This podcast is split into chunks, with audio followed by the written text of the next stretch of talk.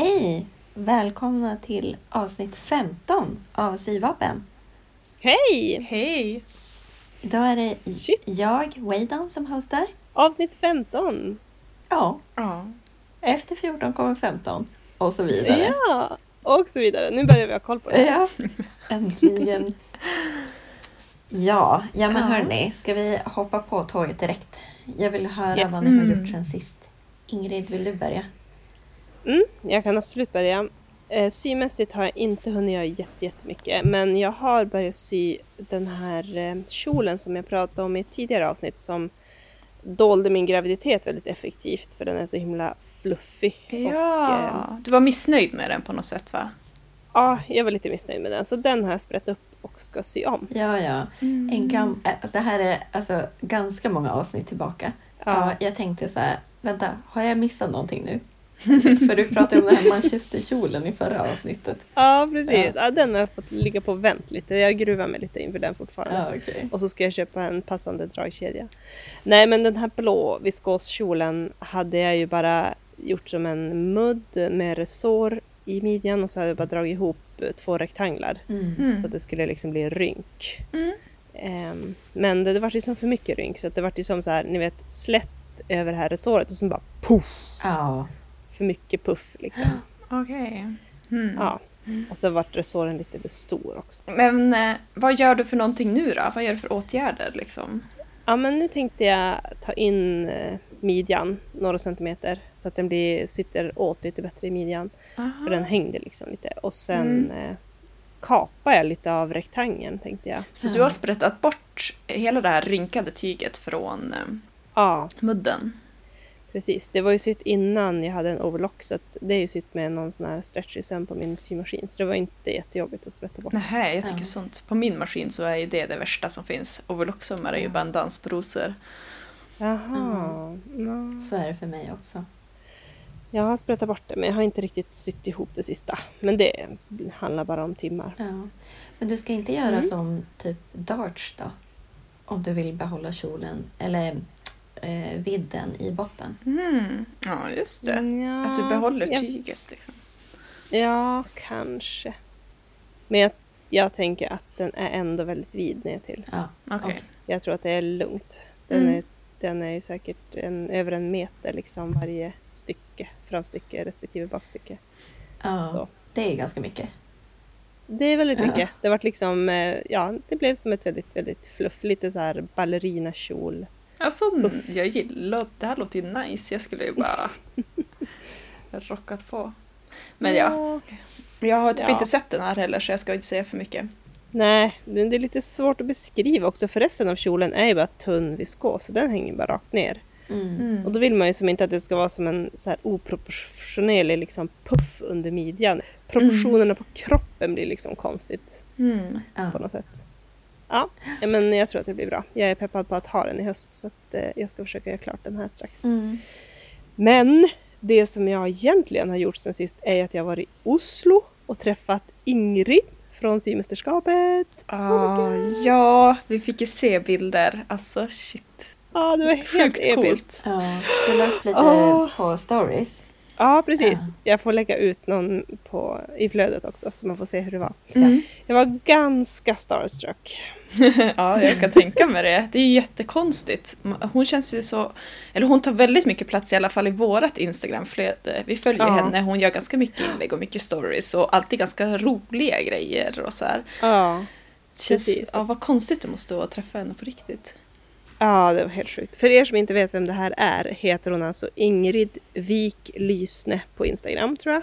Mm. Ehm, och hon var ju med i det här norska symästerskapet, sytävlingen på norska TV, NRK, förra säsongen. Inte den som går nu utan den tidigare. Mm. Och hon vann inte men hon, hon utmärkte sig liksom som en profil lite grann. Så att hon tillsammans med en annan tjej som också var med, som också heter Ingrid, blev ju så här sociala medier ansvariga för symästerskapet Mm. Mm. nu liksom för den här säsongen. Så att de håller på att göra en massa stories och lägger upp så teasers för programmen och massa jätterolig information på Instagram. Ja, just det.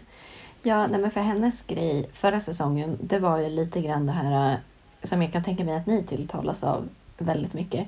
Att hon vill ju alltid så här, göra lite annorlunda eller typ så här, tänka outside of the Mm. box och så och följde inte riktigt alla instruktioner. Eh, vilket ju hon fick en del skit för. För att eh, Ja. ett av momenten i varje tävling eh, är ju att man ska följa instruktioner till punkt och pricka.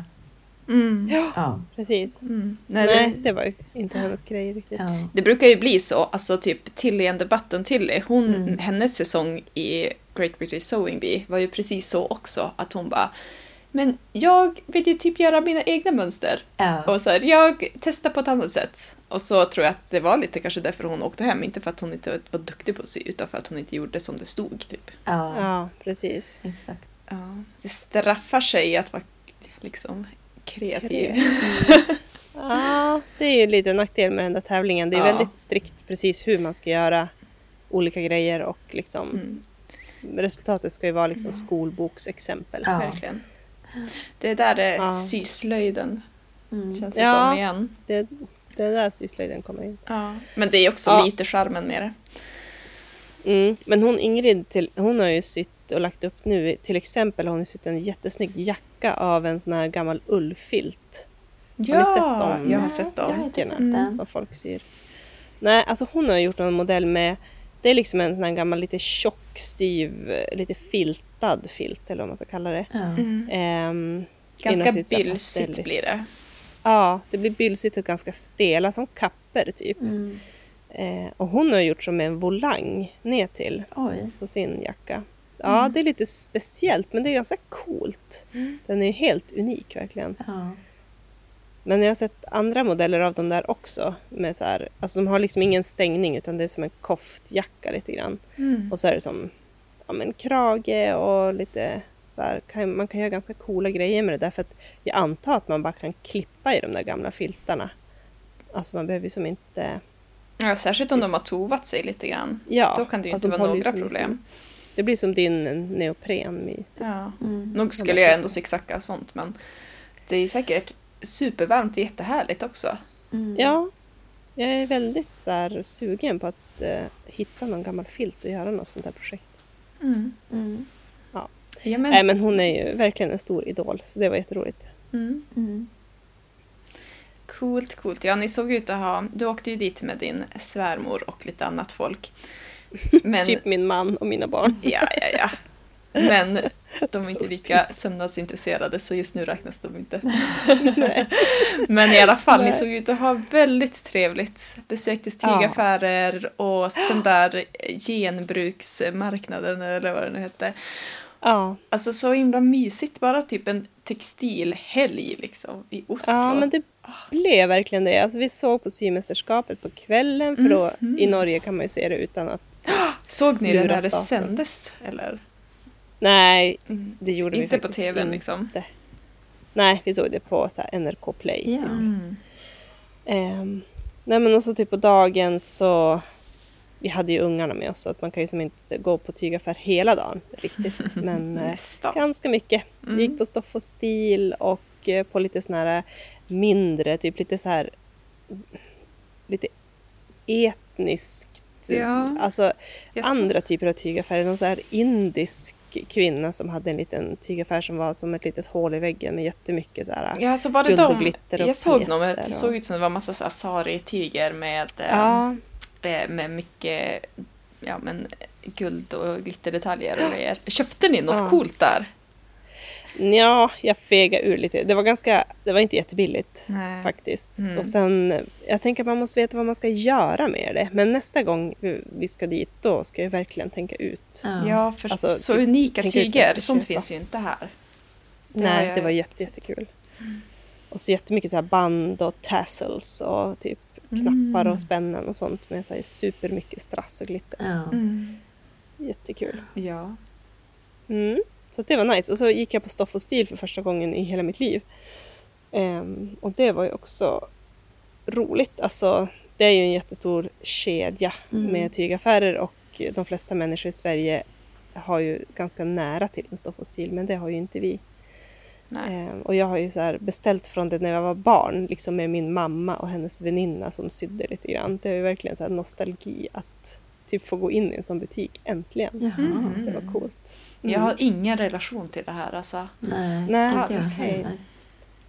Alltså jag vet inte hur länge sedan det var men jag minns det från min liksom, barn och ungdom att jag beställde typ så här fina roliga knappar från det och så. När de, när de vuxna beställde så fick jag liksom vara med och köpa grejer. Mhm. Mm. Mm, väldigt mysigt. Mm. Så det vart ganska mycket tyg. Kul. Ja, du hade ju som ett eh, intressant eh, val av färgskala där. ja, jag köpte jättemycket tyger med så här färgtema rå köttfärs som har legat framme ett dygn. det är ju som, alltså, jag blev lite inspirerad också av eh, den här stickpodden Stickkontakt. De pratar ganska mycket om rå köttfärsfärg, Mm. typ i sommar och höst. Det är tydligen en ny modefärg. Mm. Lite blodigt alltså. Ja, men det är inte så. Det är jättesvårt att beskriva den här färgen. Men typ lite så här brunrosa, tänker jag. Ja, ja, Ja. precis. Mm. Mm, det var en bra beskrivning. ja, Ja. Nej, men det var, det var kul. Alltså så här oerhört svår att färg att bära upp, tänker jag. Du tänker så, det har jag inte ens tänkt på. Jag tänker så. Jag tänker- Mm. Ja, det kan det vara. Men det kanske funkar lite bättre på dig som är lite mer ljus. Ja, kanske. Ja, typ så här blekrosa är inte en bra färg på mig, tycker jag. Nej, Mm. tycker du. Ja. Det där är jättesvårt. Jag tänker att folk har ganska mycket idéer om jag passar inte i den här färgen eller det här. Alltså, ni vet. Folk Mm. brukar säga sånt så här, Mm. men det här är inte min färg typ. Och man, jag, jag har typ alltid lite svårt att förstå. Så här, men hur vet du det? Eller ah, Mm. är du säker? Eller är det bara något man har fått för sig när man gick i mellanstadiet och någon snubbe Mm. sa att man var ful? Typ. Ja, men jag tycker det är lite så här, du kanske har helt rätt Wida, men jag tycker också Mm. att det är lite så här att jag tycker det är som är lite tråkigt. Det känns som att man begränsar sig själv. Det är samma sak som alla som sa att vissa färger går inte att matcha ihop. Rosa och rött kan Mm. man inte matcha ihop. Det är bara dumheter. Mm. Det är ju en jättestor myt. Det har jag trott halva mitt liv. Ja, det är ju superkonstigt. Man kan väl bara köra på. Det som känns nice är nice liksom. Mm. Ja. Exakt det där om rosa och rött har de ju tagit upp i ett avsnitt av symesterskapet. Jaha, Ja, har de? Okej, Ja. Jag har inte sett det. Du får inte, du får inte spoila. Nu har du spoilat spoiler. mig då! Eh, ja, nej men det är ingen som har sagt det här till mig. Det här har jag hittat på helt själv. Eh, Ja, det var det. Nej men, eh, ja, nej men dels är det väl typ att jag tycker inte att det är en så himla snygg färg och sen så, Nej. ja, jag vet. Alltså Mm. jag tycker bara att det ser lite så här konstigt ut när jag har det på mig. Mm. Mm.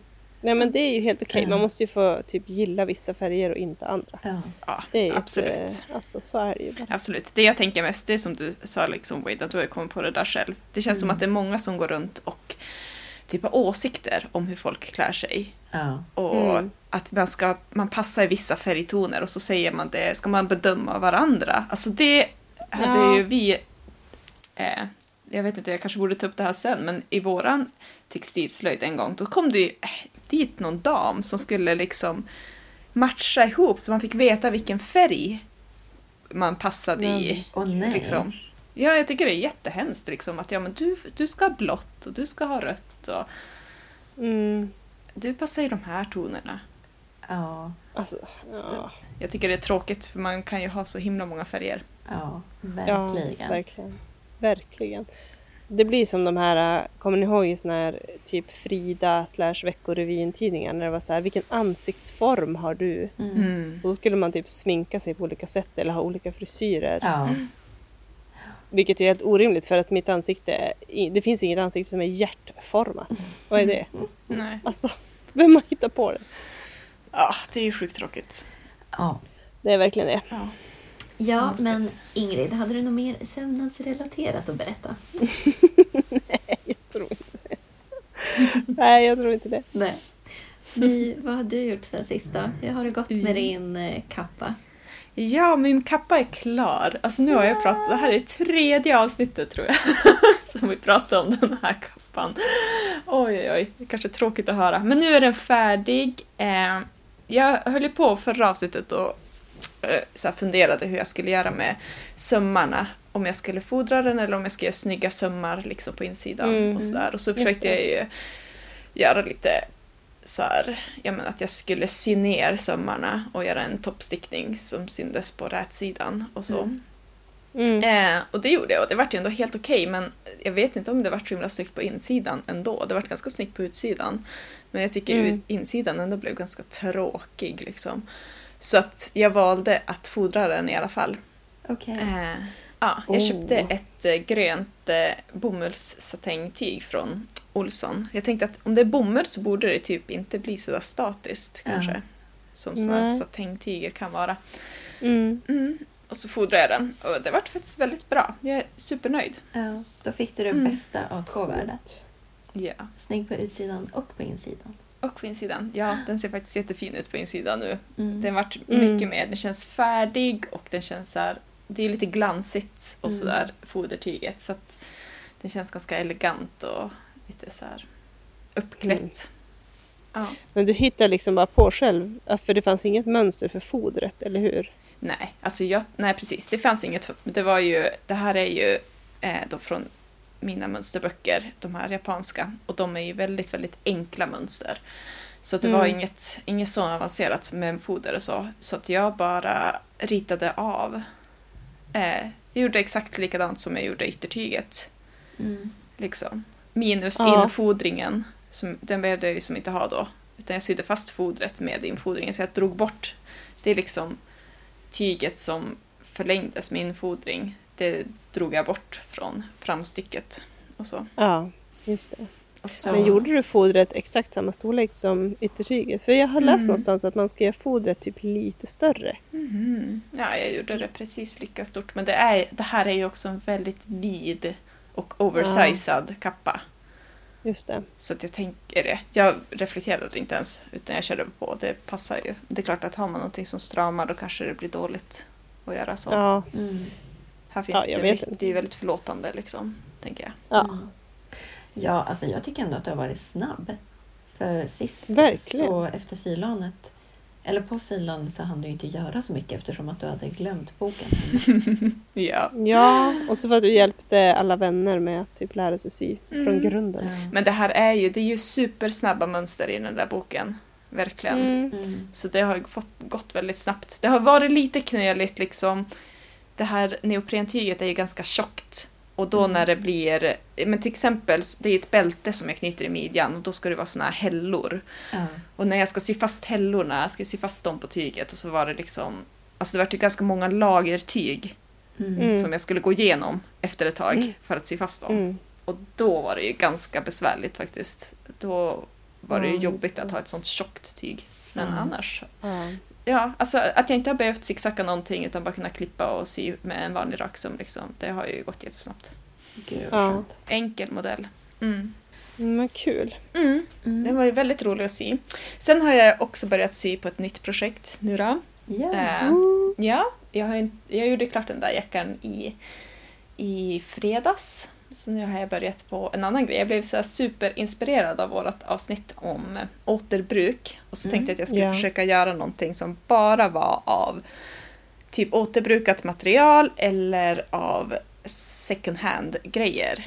Mm. Eh, Mhm. och så, det var som målet. Jag tror inte att jag kommer lyckas riktigt helt och hållet. Eh, men jag håller på att sy en födelsedagspresent till min mamma. Som är, hon är väldigt trädgårdsintresserad. Mm. Så jag syr ett så här, ni vet, typ verktygsbälte man har när man typ snickrar och sånt. Ja. Ja, just det. Ett Mm. sånt som hon kan ha då trädgårdsgrejer i istället. Typ sekatör och ja. handskar Åh. och lite sådana. Så här. Alltså vänta. Det är en jättebra idé. Lyssnar inte din mamma på våran podd? Det, ja, jag tror att hon kanske gör det ibland. Väldigt sällan. Ja, vi får väl se om hon hinner höra det här. Men hon fyller år, eh, vad är det för datum idag? Ja, hon fyller väl typ år imorgon. Tror jag. Ja, okej. Så jag tror att det är lugnt. Men hon kommer inte få det här imorgon, hon får det kanske till helgen om det är klart. Annars blir det en julklapp. Vi får se om hon hör det här, då är det avslöjat. Ja. Ändå modigt att eh, berätta i podden. I podden, Ja. Ja. Och jag tror att jag kommer hinna göra klart den så att hon hinner få det innan vi släpper det här avsnittet. Ja. Ja, men det är bra Mm. att du eh, offrar allt för våra lyssnare. Ja, självklart. Men det, alltså det går faktiskt. Jag var på eh, Pingstkyrkans second hand och hittade liksom dragkedja i typ samma färg som tyget och såna här klickfästen, ni vet. Jag tänker att man vill kunna bara klicka ihop Ja. bältet, att man ska slippa hålla på och ja men typ en vanligt, att det är ett vanligt bälte, utan att man bara kan klicka fast det, att det ska vara enkelt. Mm. Alltså det finns ju, Mm. allt finns ju typ second hand nästan. Vad kul! Så det jag tror att jag inte använder second hand nu, det är dels sytråden då. Ehm, Mm. och så hade jag, har jag haft i lite resårband som jag hade hemma redan. Jag orkade inte fara tillbaka till butiken och leta reda på sånt. Ja. Nej. Men Ja. Det, ja, det är kul. Alltså det var ganska, det känns som en rolig utmaning att försöka sy någonting Mm. som bara är från och så får man bara hålla sig begränsad till det liksom. ja, verkligen. Ja, men alltså jag också blivit väldigt inspirerad av det där. Att typ, ja, men typ som den här kjolen som jag ska liksom fixa till som jag har haft hemma jättelänge men aldrig Mm. använder. Alltså jag har jättemånga sådana plagg som bara behöver lite fix och skulle de kunna bli absolut användbara. Mm. Jag är väldigt taggad på att göra sånt. Mm. Det är skitsmart. Fixa till dem så att man har dem istället för att bara göra nytt. Ja. Mm. ja, jag har ett sånt plagg också. Eh, en klänning som jag köpte på second hand i Berlin. Eh, Mhm. um, ja, men var inte det när vi var i Berlin? Eh, Ja, den det jag var det säkert. jättestora second hand-marknaden. Ja. Eh, typ så här, den är rosa och vit. Alltså nästan lite så här polkagrisrandig. Ja, Och sen är en liten krage. Men var inte den Mm. lite för liten? Eller vad var det för någonting? Exakt, den är lite stram över typ ja, ryggen och så. Så jag kan inte riktigt röra armarna när jag har den. Åh, vad, vad Ja. bra. jo. Och just det där med att liksom göra ett plagg större är ju lite svårt. Mm, det, ja, det. det kan vara knepigt. det måste vara mycket sömsmånar så man kan Mm. ut det. Ja, eller sy in liksom bitar av något annat tyg. Ja, Mm. precis. Mm. Ja, men hur, har du någon plan hur du ska försöka förstora den? Eller? Ja, men jag hade någon plan om att jag kanske bara skulle smyga in någon liten eh, kil i sidan. Eh, Ja, alltså på bägge sidor. Eh, Mm. Mm. Men då, då vet jag inte riktigt hur jag ska göra med ärmen. Ja, just det. nej, det är klart. Ja. Då blir ju liksom den för kort då. Ja. Precis. Mm. Då får man göra en kil liksom under den också kanske. Ja. Att man förlänger kilen liksom ut i ärmen. Ja, typ så. Ja, vi får se. Jag har inte kommit så långt på det här, men jag har i alla fall börjat tänka på saken. Mm. Mm. Kul. Nice, du har inte kastat klänningen i alla fall. Nej, det har jag inte. Ja men Waydan, vad har hänt sen sist hos dig då? Eh, ja, jag har ju också hunnit sy klart ett plagg eh, sen Mm. sylånet. De här leopardfladderbyxorna. Det får ju bara Åh, en hurra! fold kvar. Ja, just ja. Ja. Ja, ja, men det är tråkigt att folla. Men hur blev de då? De var ju så bauta-bauta. ja, men de har varit bra, tycker jag. Det, ja. Ja. det var inte sån här puff-effekt att det var liksom för mycket tyg. Nja, Under lite resåren. kanske. Hmm, Ja, men inte så okej. mycket. Men, mm. För det är, ändå, det är ganska mycket så här veck och sånt uppe i midjan. Mm. ja. Det ska bli spännande att se dem med den där höga slitsen fram och Ja, alltihopet. de är sjukt roliga byxor faktiskt. Det Ja. händer Mm. mycket med dem. Ja. ja, men jag Mm. får fixa något snyggt eh, inlägg till Instagram. Så, Mm. Ja, som verkligen visar upp slitsen också. Ja, det tycker jag. Eh, ja, nej, men annars så har det gått lite segt hos mig. Eh, jag, eh, ja, men jag varit så sjukt peppad på Sadie när jag såg Ingrids snygga jumpsuit. Eh, Japp. Så då, då tänkte jag så här, bara, ja, men nu ska jag börja med det här projektet. Eh, och sen såg jag att man ska eh, tydligen klippa ut alltså mönsterdelarna eh, med tygelt, alltså enkelt, inte dubbelvikt. ja just det. Mm, så var det ja. Eh, Mm. Och så har jag som en Mhm. gigantisk bit stuv. Och så är det något så här tunt viskosaktigt tyg som typ är lite Mm. så här kreppat också. Och sen vet jag inte om det hände någonting antingen när jag tvättade tyget eller när jag hängde det på tork. För att det är som att det har dragit sig på vissa ställen så att det är lite så här bubbligt. Mhm. Och så är det så här otroligt opeppigt att klippa ut en miljard mönsterdelar. Ja. Typ. Men du kan ju lägga det på dubbeltyg. Ja, men nu har jag redan börjat klippa ut det på enkelt. Ja, okej. Mm. Men det, Ja, och det, alltså just det där med att klippa ut tyget tycker jag är det tråkigaste. ja, Mm, det kan vara ganska segt. Ja, det kan ju vara Man har ju ingen skön arbetsställning i alla fall när man gör det. nej. Nej, jag tycker typ det här steget just efter att man har klippt ut det är det värsta. När man ska så här, börja sy. Alltså Jaså? första sömmarna var... Nej, det är det roligaste. Det är så mycket. Ja, jag tror nog att det är då det faktiskt, sen blir det liksom tråkigare och tråkigare för varje nytt moment. Att man liksom bara, okej nu måste jag sy det här också. Och nu måste jag göra det. Jaha, nej jag blir mer och mer taggad tills det är klart och bara yes nu är det klart, nu kan jag använda det. Mm. Ah, Eh, ja, nej men så det har jag gjort och sen har jag f- fått ett projekt. Jag ska byta ut två dragkedjor. Eh, Nej, på några jackor Åh. till, någon, Åh. till en bekant. Ja, du är snäll! Nej. Sånt där ska man aldrig tacka ja till alltså. Ah, Jag Ja. tror att det är skitjobbigt att byta dragkedjor på... ja, Ja, nej, men det är jättejobbigt. Jag kollade, jag inspekterade jackorna först innan jag tackade ja till det här projektet och det verkar ändå som att det är Mhm. ganska lätt. Det är inte liksom, dragkedjan är inte liksom insydd i något foder eller något sånt. Mm. Utan Nej, den okej. verkar bara vara alltså, ditsydd typ med två sömmar. Hmm. Ja, Ja. okej. Den är liksom bara instoppad mellan två tyg typ. Nej, alltså den, är, den sitter på insidan. Så det är liksom Jaha. först sydd, sydd med en söm så att dragkedjan fäster och sen en till söm där man har vikt ner allting så att säga. Okej. Om ni fattar Ja, vad jag okej. menar. Ja, som en snedslå, att man syr först en som rätar mot rät och sen en till. Jaha, så Ja, viker man. för att vika in sömsmånen. Alltså den Mm. råa Ja. kanten. Mm. Ja. Hmm. Okej. Nej, men hoppas att det Ja. går smidigt för att det där känns ju bara som så här hjärndött och skittråkigt arbete. Liksom. Ja. Att man bara blir så här... ah, Ja. Alltså det kan ju bli väldigt tillfredsställande när det är klart och man får lämna över dem där Ja. igen. Liksom. Så beror det på hur nära vänner man är. Men det kan ju, vara, Mm. kan ju kännas bra att göra en tjänst till någon. Jo, Mm. precis. Det, jag tänker att den här personen har lite andra skills som kan vara bra att casha in vid eh, eventuell typ köksrenovering eller Ah. sådana saker. Nice. Ja. Ja, okej. Har det hänt något mer spännande? Eh, ja, men jag har kollat ganska mycket på symästerskapet. Eh, Mm. och jag ska inte spoila någonting nu. Mm. Eh. Nej. Men jag tycker att det är väldigt roligt, alltså det här konceptet som de har, att de har en riktig eh, kund. Som Ja, för. den delen. Ja. Ja, mm, det är väldigt kul. Det är faktiskt det. Det är en nice liksom, grej också att den kan typ rädda en person Ja. Ja, liksom, från att åka ut. det är inte så dumt för det hade ju kanske räddat klar, kvar typ sådana här kreativa människor som Ja, Tilly och Ingrid. Liksom. Mm. faktiskt. Mm. Ja. Ja, nej, men det är en kul grej. Mm. Jag håller med. ja, och sen hela den här grejen med att det är redesign bara. Ja, Eller Ja.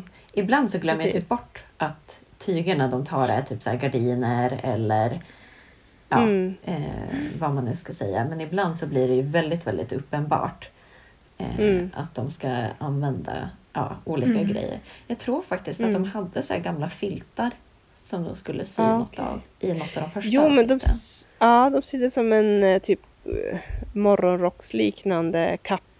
Som Ja, mm. precis. faktiskt. Det var väldigt coolt. Mm. Men det var ju lite det, när jag var där i Oslo och träffade Ingrid så var det sån, ett sånt tema där på gatan. Det var ju som en gågata i en liten del av stan där.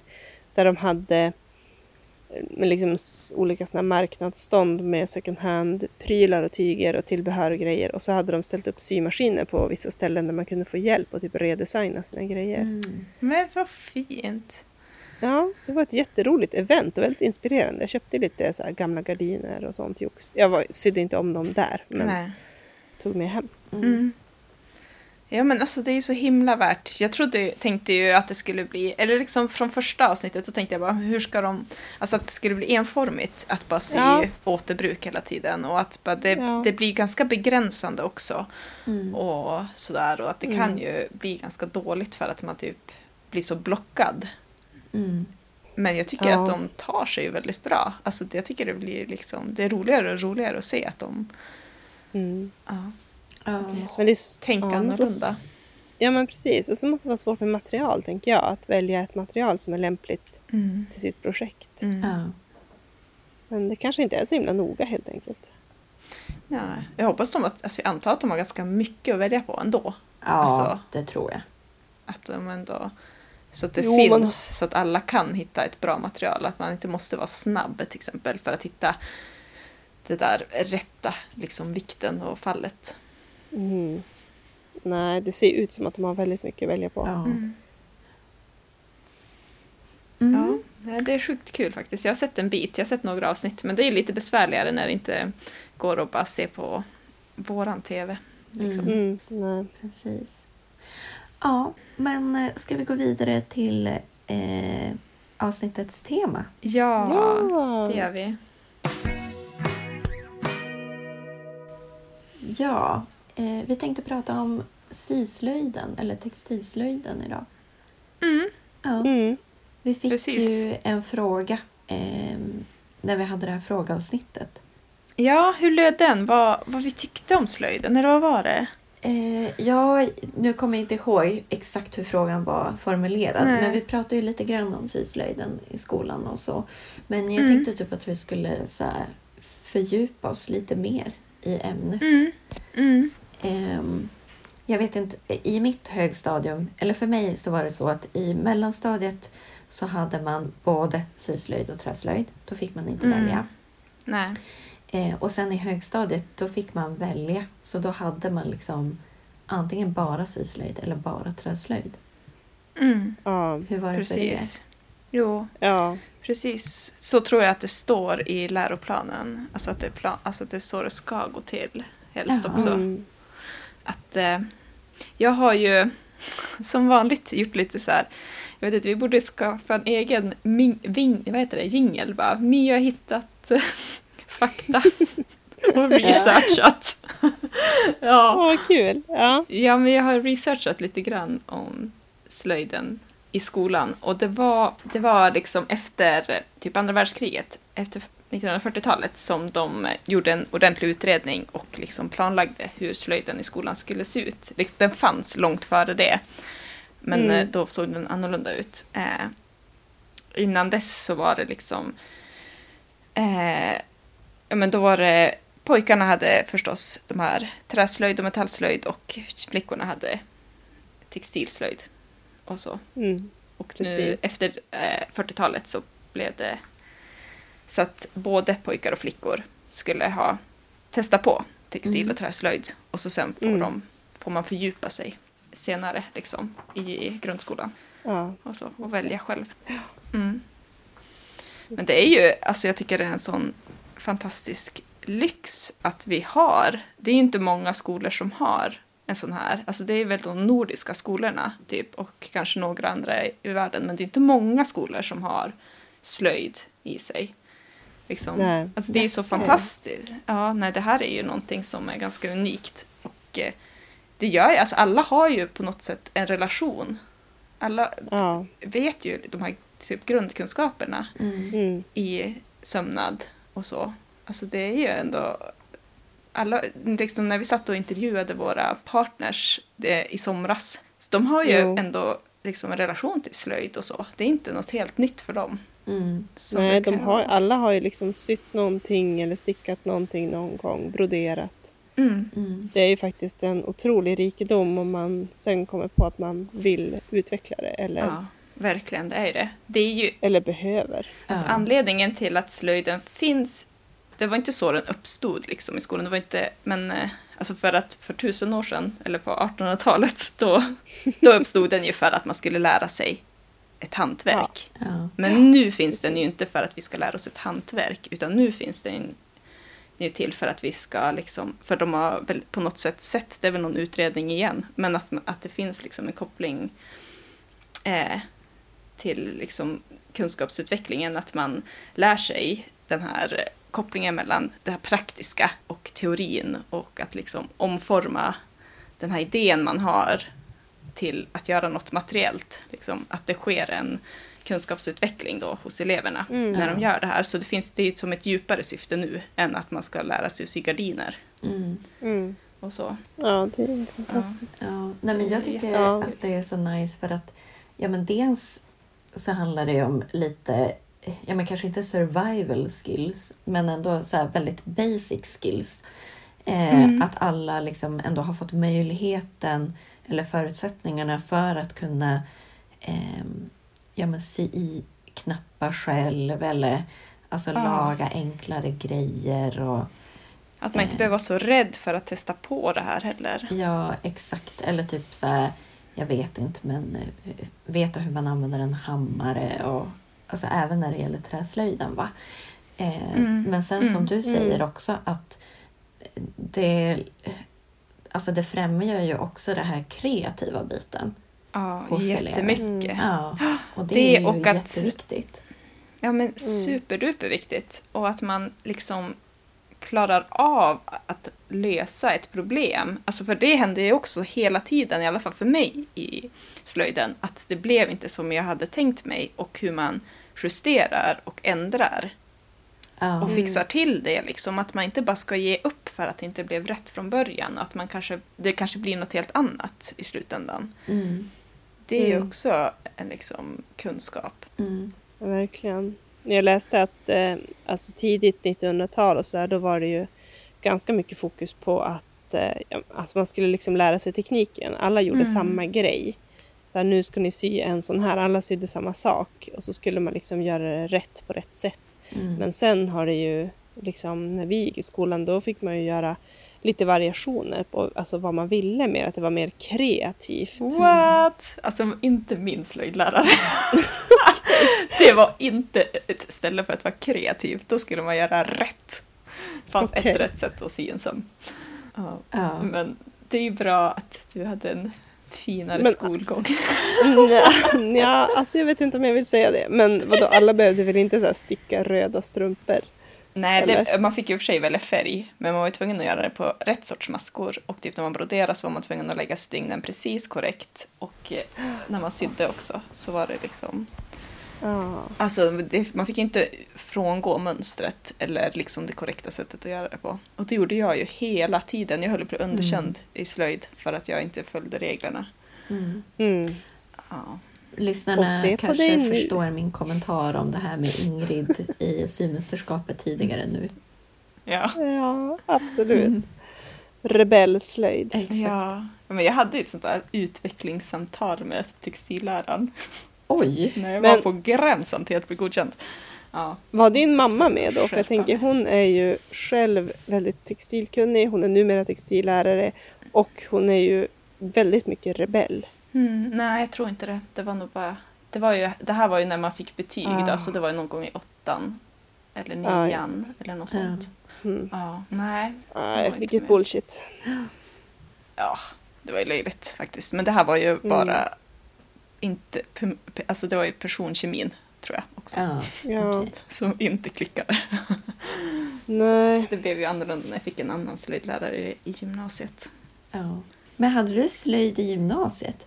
Alltså jag valde till det. Man kunde ju välja så här, typ individuella val eller något sånt. Ja, det hade jag också. Vilken lyx! Det hade inte jag på min skola. Nähä. På min skola fanns eh, hantverksprogrammet. Så det var väl kanske därför jag kunde välja det. Ah, men jag hade också lite kemi, personkemiproblem med min textillärare. Jag, egentligen så är jag väldigt tacksam. Alltså, jag har fått med mig jättemycket som jag använder nu. Alltså, liksom så här baskunskaper om textil och Mm. så här, sådana grejer som jag tänker att jag ändå kan för att jag hade textilslöjd. Mm. Men eh, det var ju ständigt konflikt, Ja, just det. verkligen. Det var, ja, jag pratade för mycket, tog för mycket plats. Typ, jag kunde ju så här prata och sticka samtidigt. Och, ja, jag vet inte.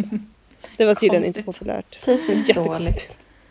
Ja, jättedåligt. Ja. Men jag vet inte, det är ju fantastiskt att man ändå bibehöll någon form av gnista för det där. För att Mm. det var ju verkligen... Ja, men jag hade en sån där textillärare som kanske hade jobbat lite för länge Mm. på samma plats och var less på ungarna. Och ganska ja. Ja. känd, känd för att ha dåligt humör. Liksom. Mm. Mm. Det är ju tråkigt. Ja. ja, det är ju synd när man ska jobba med barn. Men Ja. ja. Men det är ju det, jag tänker att många kan tappa sugen lite grann också. Mm. Mm. Att sluta med det där. För att, Ja. Eller man, man, börjar, man får aldrig upp något intresse för det för det är som bara en plåga att vara på Mm. lektionerna. Ja. Liksom. Mm. Jag såg nu eh, läroplanen för textilslöjd i skolan att det finns Mm. ett moment som är liksom... ehm, Prata och sticka samtidigt. Ja, nej, men att man, dels det här med att man ska vara kreativ och sådär. Men sen tror jag också att det fanns någonting om, ja, alltså...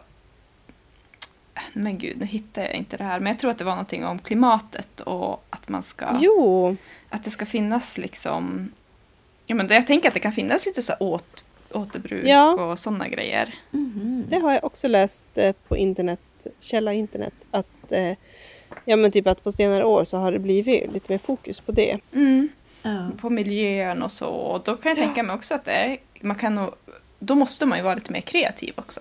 Ja. Att det kanske Ja. är lite mer förlåtande. Ja det kan man ju verkligen hoppas. Mm. Men det tänker jag är ju ändå ganska rimligt, framförallt om man tänker textilslöjd. Eh, eftersom att ja, men alltså, en väldigt stor del av kunskaperna kan ju ändå användas till att laga saker som, som är trasiga. Jo. Och, ja, alltså Mm. förlänga livet på grejer. Och, Mm. Och det tänker Ja. jag så här historiskt sett så måste det också varit en del av textilslöjden. Mm. Absolut. Alltså när det inte fanns så det överflöd av liksom nya tyger som det finns nu. Ja. mm. Att man skulle kunna, ja men typ efter andra världskriget, då måste det ju varit väldigt mycket att man skulle återskapa och återbruka. Ja. Men kanske inte ur ett miljöperspektiv på det sättet som det är nu. Nej men precis. Ja, Det är ju sjukt värdefullt för miljön tänker jag om folk kunde laga sina gamla jeans, sy Mm. knappar i skjortorna. Mm. Alltså så här, jag vet inte, jag tänker att det skulle göra jättestor skillnad om man kunde ha sina kläder, förlänga livslängden med, med lagning. Verkligen. Har ni sett det Instagramkontot? Heter de lagningsaktivisterna kanske? Nej. Har ni sett dem? Som ja. typ lägger upp så här bilder på så här visible mending. Det är nog svenskar men det är liksom de har sytt på här lappar på stickade tröjor ner i ärmen och, och sånt som syns ganska mycket. Men att det är liksom lite så här trend typ att ha synlig lagning. Mm. Ja, det kan ju vara sjukt snyggt. Jag har sett lite, alltså jag vet inte om jag har sett just det här kontot, men jag har ju sett på typ Pinterest och så. Att Mm. man gör det liksom lite extra överdrivet och så att det blir ganska, menar att det får bli ett estetiskt inslag i typ de här jeansen som det har gått hål på låret eller något sånt. Och att det är Mm. liksom, det ska verkligen märkas och synas den här. Ja. Ja, det är väldigt snyggt när man gör det bra, men då måste man vara duktig på att brodera alltså. och typ hålla, få det jämnt och fint. ja. Mm. Ja, alltså jag, jag hade ju till skillnad från er då eh, en ganska bra upplevelse av textilslöjden i skolan. Jaha, Ja. wow. Eh, jag har inte jättemycket minnen från eh, mellanstadiet, men från högstadiet så kommer jag ihåg, alltså det var ju typ bästa lektionen, för då var det så här, eh, ja men man fick pyssla på med sina egna grejer, eh, vi hade ofta radion på och så här, bara allmänt mysig stämning.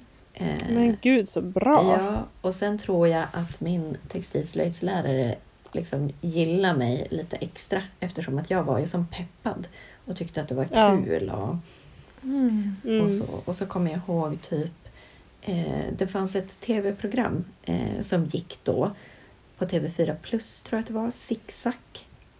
Är det här något ni känner igen? Nej.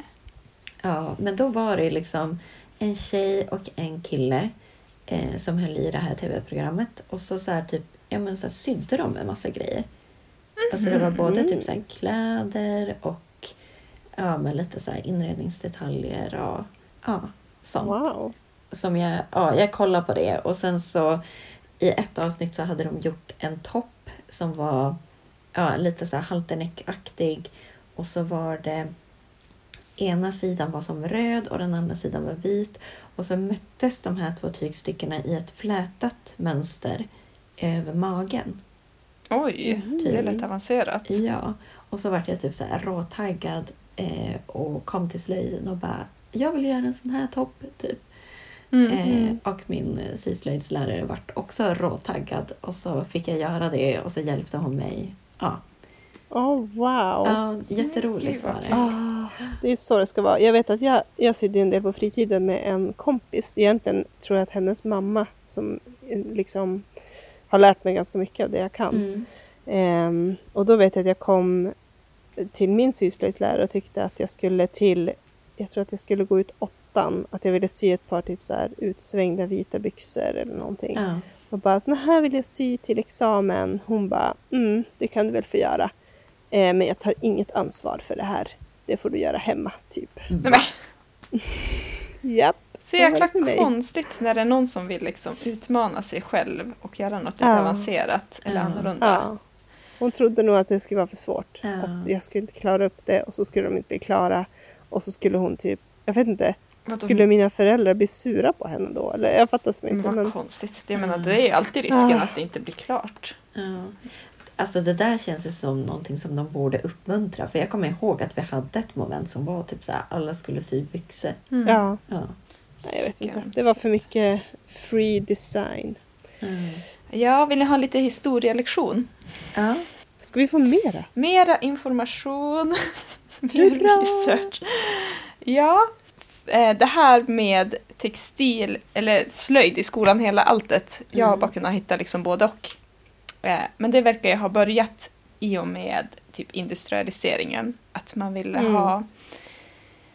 Ja, men dels så ville man väl att det var värt att typ det blir en yrkesförberedande grej då. Liksom, då gick man kanske inte alla, det var inte så många som gick gymnasiet då, tänker jag. Nej, Utan att då var det liksom grundskola och sen skulle man börja arbeta. Mm. med liksom en- någon praktisk yrkesförberedande utbildning och så. Och då gjorde man liksom två olika kurser. En hette slöjd för flickor och en Mm. hette slöjd för gossar. Okej. Ja. Så det var ju inte att man fick testa sig fram och vilket vad tyckte man var roligast. Utan då är det ju så, det var ju väldigt sådär. Eh, och det är ju fortfarande idag, känner jag, lite att det är ändå, Ja. det är en viss könsuppdelning. Men Mm. nu är det ändå lite mer by choice. Men ja. Mm. Så, men eh, då, det här slöjd för flickor, eh, liksom, det fanns ju för att i och med industrialiseringen så var det ju också ett behov av en kvinnlig arbetskraft och liksom att man skulle kanske, ja, fler kvinnor kom ut i arbetslivet och inte Ja. fastnade ja, men typ i hemmet på det sättet. Så Mm. behövdes en, en sån slöjdutbildning i och med att det var textilindustrin som anställde kvinnor. Mm. Men det, förstås mycket lägre betalt fick de ju än män. Mm. Men så är det ju också fortfarande. Ja. så. Eh, men sen 1877, då började de ge bidrag till slöjdämnet. Liksom. Mm. Men då var det bara gosslöjden som fick pengar. Nej. Förstås. Ja, då fick de 75 kronor per år och jag vet inte om det är per elev eller något. Ja, jag vet inte ens vad. Hur mycket var 75 kronor 1870? Ingen. Ganska mycket pengar, tänker Ja, jag. det kanske var per skola då. Ja. Något bidrag i alla fall. Och så sen dröjde det ganska länge. 1896 så fick flickslöjden bidrag från staten då. Mm. 30 kronor per år. Så det var dels senare och mycket mindre. Ja. Eh, Ja. Och de som var de här pionjärerna som formade de här slöjdämnena så var det men, männen som gjorde det var ju liksom högutbildade och ville att de pojkar som skulle undervisa skulle, det skulle bli liksom individuell undervisning och så. Och de kvinnor som drog i det här eh, som också kallas slöjdmödrar tror jag eller något sånt. Det låter ascoolt. Jaha. Eh, de var ju förstås inte lika ut, välutbildade utan kom kanske från en annan klassbakgrund. Mm. Eh, men då var ju också tanken att flickslöjden skulle vara lite mer... Jag menar, alltså det ska vara stora grupper och man skulle lära sig då, det vi pratade om, liksom, att man, man skulle sy röda, eller man skulle sticka röda handskar, vantar och man skulle, alla skulle göra exakt samma sak. Man skulle inte göra några utsvävningar. De Nej. var, till exempel i typ riksdagen så var de ganska, de här gubbarna som satt där på den tiden, Mm. var livrädda att flickorna skulle bli för distraherade av slöjden. Så det fick inte vara några så här utsmyckningar eller några sådana grejer. Så att de skulle glömma bort att de måste Ah. hjälpa sina mödrar i hemmet. Okej. Alltså, Ja. herregud. Så det tog ju ganska lång tid innan eh, den här flickslöjden fick någon sorts status. Ja. Och det är ju inte på grund av gubbarna i riksdagen. Nej. Utan det är ju på grund av de här Men- typ kvinnorna som har liksom armbågat sig fram och eh, som är liksom, men de här lärarinnorna som är typ högutbildade och oftast ogifta och bara var tvungna att liksom slåss för det här ämnet, att det skulle bli någonting. Mm. Mm. Mm. Så det är väl lite tack vare det, liksom. det känns som att den här syslöjden i skolan har följt lite grann samma utveckling som med kvinnokampen. Liksom. Mm. Ja. Att det har blivit Verkligen. mer och mer status. Och då, som jag sa tidigare, att efter eh, 1940-talet, då tillsattes en utredning och så blev det ju ändå på något sätt mer jämställt att eh, både pojkar och flickor hade textilslöjd och träslöjd och metallslöjd och så. Mm. Lite mer som det ser ut idag. Ja. Jag tänker också att det blir liksom, precis som du säger, att det följer historien lite grann. Att det här att kvinnor gick från att vara hemmafruar och Mm. bara liksom slöjda, eller vad man ska säga, för, för hemhushållet liksom, Ja. till att arbetarrörelsen kom och Mm. alla skulle ut i arbete och kvinnorna också. Mm. Mm. Då och då fick, man... då fick de helt plötsligt liksom lära sig sånt i skolan också.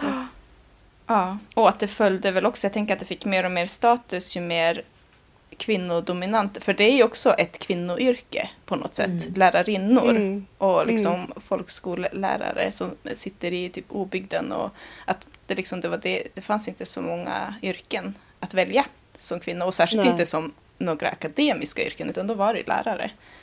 Mm. Att det blev säkert, det följdes ju säkert med det också. Att ju, Ja, det var ju en jäkla tur att vi hade kvinnliga lärare så att det blev någonting. Nej, annars hade det nog inte blivit någonting. Då hade det väl varit de pojkar som vill lära sig träslöjd får göra det. Men man behöver inte, det ska vara fokus på teoretiska istället. Ja. Ja. Alltså, jag kanske är lite pessimist, eh, men jag tycker typ ändå att det känns väldigt tidigt och progressivt på något vis.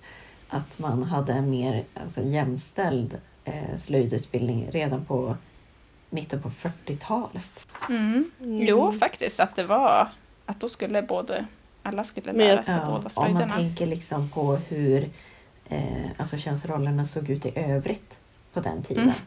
Mm. Mm. Mm. Men jag tänker att det handlar väl också om att folk, att liksom staten ville att folk skulle ut i arbete. Att kvinnor också skulle ut i arbete. Om man tänker att det, ska, att det handlar om att lära sig ett hantverk. Ja. Att man faktiskt skulle arbeta inom textilindustri också. Men sen tror jag att det var även på 40-talet att det var kvinnor som såg till att det blev mer jämställt. Ja. Att det var en kvinnodominans inom skolan och ja, Mm. Kanske. Nu, det här är bara egna teorier. jag vet inte, men det är ju absolut, det är ju bara att vi har slöjd, det är fortfarande liksom unikt och då att det också är, Mm. att det är lika för pojkar och flickor. Ja. Liksom redan då. Så det är klart att det är inte på så många ställen i världen. Nej, precis. Ja, intressant. Ja, jag tycker det var skitspännande. Jag lånade en bok på biblioteket som om man är intresserad av eh, liksom slöjd i skolan. Nu är det inte bara textilslöjd, men de tar ju upp väldigt mycket i och med att det är så stor skillnad på Mm. den här maskulina slöjden och den feminina slöjden på något Mm. sätt. Att de har gått olika vägar. Så blir det ju oftast fokus på textilslöjden ändå. Men Ja. den boken heter eh, Slöjda för livet om pedagogisk slöjd. Eh, mm, jag kan lägga upp den med Ja. eh, författare och allt möjligt sen på vår Facebook. ja. Ehm, ska vi gå vidare Mm, Ja, ja. det kanske är dags. till eh, rätsida och avsida? Mm. Nice. Ehm, ja, men My, vill du börja då? Ja, men jag kan börja. Eh, jag kan börja med min rätsida. Eh, jag, min rätsida är att jag sydde klart den här eh, kappan. Jag fick, eh, när vi spelade in förra, vårat förra avsnitt, då hade vi precis varit på ett sylan. Och så hade vi fått lite besök, folk som ville kolla hur det gick för oss. Och då fick jag lite av en utmaning av en av de som kom och hälsade på. Att hon tyckte att jag skulle sy Mhm. klart den här kappan inför ett dop som vi båda skulle på. Som Ah. var i helgen då. Så jag hade lite av en deadline. Ni tyckte ju att det hade gått så himla Mm. snabbt för mig. Men det var också för att jag var jättestressad. Men det var rätt bra. Alltså, den blev ju klar och det känns ju jätteskönt att det liksom gick så snabbt. Ja. och, så, Ja. och att den blev så bra. Mm. Så det är min rätsida, att jag hann göra klart den här kappan inför den här deadlinen till det här dopet som jag, Mm. som jag skulle på. Nice. Mm. Eh, och min avigsida är då att jag... Eh, ja, men jag skulle ju på det här dopet och sen skulle ju också Ingrid på det här dopet, Mm. för vi är kusiner Ja. och det var en kusin till oss som hade fått barn. Eh, en gemensam kusin.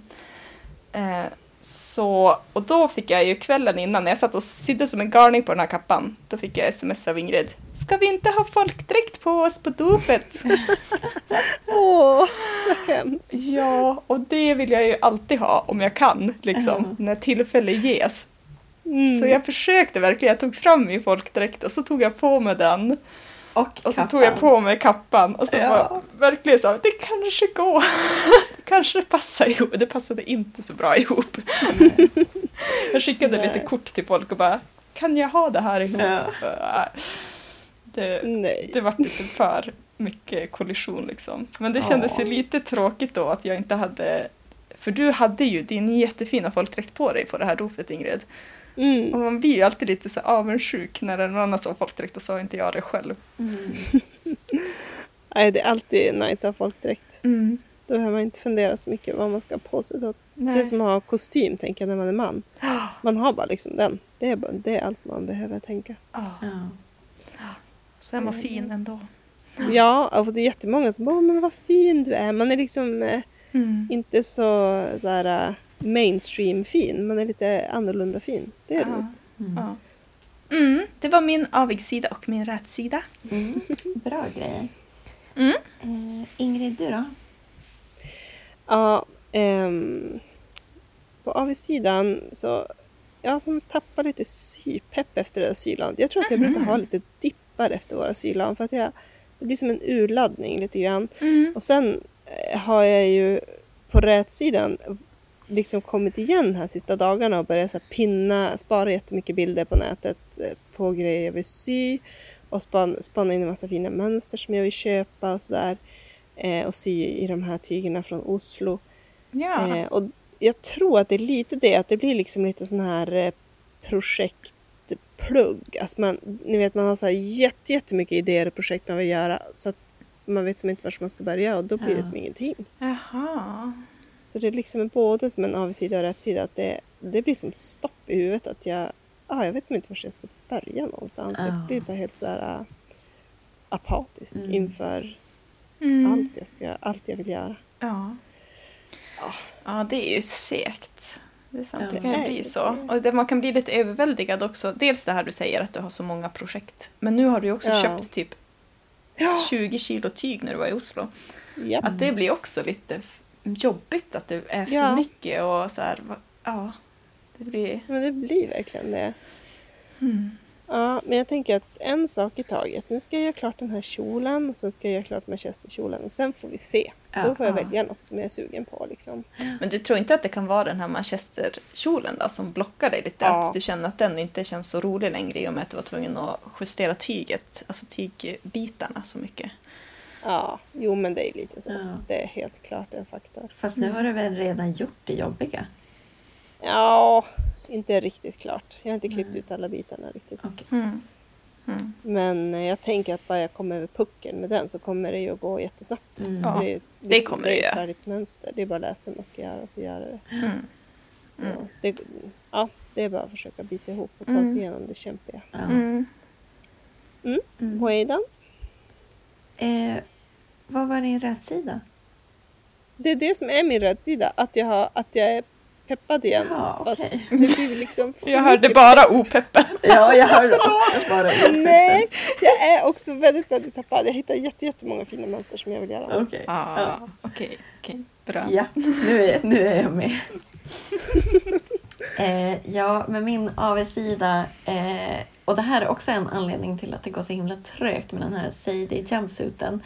Eh, men det är att eh, på det här sylanet som vi var på så lånade jag ut mina kalkerpapper eh, och rullsporre eh, till våra kompisar. Ja, det gjorde du. Fick du Ja. tillbaka dem? Jag gav dem till Eh. Ingrid. Nej, jag har inte fått tillbaka dem. Eller gav jag dem till Lova? Jo, det är Lova. eh, som Mm. har dem och vi ses Mm. ju inte jätteofta. Eh, så de är borta, eller ja, inte Åh. borta men liksom de är på vift. Eh, och det är ju ändå lite markeringar och sånt som man ska göra på den här Sadie jumpsuiten. Och det är liksom, Mm. ja men det är lite jobbigt att rita för hand typ. Ja. Ja. ja, det är lite segt när du har såna bra verktyg för det liksom. Ja, ja men precis. Så det gör också att det blir lite Mm. segt och lite jobbigt och så. Mm. Ehm, ja. Men på rätt sidan eh, så ska jag åka till Prag och hälsa på en kompis som gör Åh. en utbytestermin. Ja, men Nice. åh! Ja, så då har jag ju möjlighet att åka och tygshoppa utomlands. Woop, woop. Och i Prag, jag tänker det kan vara ganska bra priser där alltså. Ja, Ja, hoppas det. Mm.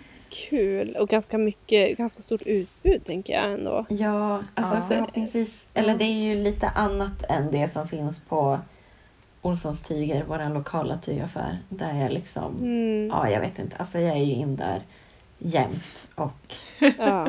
ja. Köper flisselin. ja. Mest glycerin, lite andra grejer också. Men det mättar liksom inte riktigt mitt behov känner jag. Nej. Nej. Nej, det är klart. Är det något särskilt projekt du har tänkt så här, shoppa till i Prag? Eh, nej, det har jag ju inte. Så det är ju ett problem. Mm. Mm. Det är bra Mm, idé, jag det borde jag fundera lite grann över. Kanske din eh, boiler suit som du ska sy. Broiler suit, ja. Broiler. Ja, Ingrid skickade ju ett eh, mönster till mig idag som inte var så illa faktiskt. Nej, alltså, Nej, jag tycker alltså det där efter- känns nice. Ja. Det är, jag tycker fortfarande det är orimligt. Men eh, efter att vi har pratat om det så har det kommit upp liksom i mitt flöde flera jag tror det finns ett till mönster också som är ganska nytt. Ja. Så du har säkert rätt i att det är en stor trend. Ja. Men eh, det. Mm. Det, ja. ja, vi får, vi får länka eh, till det här Absolut. mönstret. Ja, men det var min rätsida av sida. Så nästa avsnitt så får ni väl höra hur det gick med tygshoppingen i Prag. Ah, kul! Åh, är det så snart alltså? Ja. Kul! Mm. Ja men shit, då har vi något att se fram emot. Ja, Verkligen. Vi får ta varsågod. mycket foton. Ja. Ja. ja, Mm -mm. men eh, det var väl det för idag. Ja, Ja, Ja, tack för oss. ja. Ha det så bra. Hej då! Hej Hej då!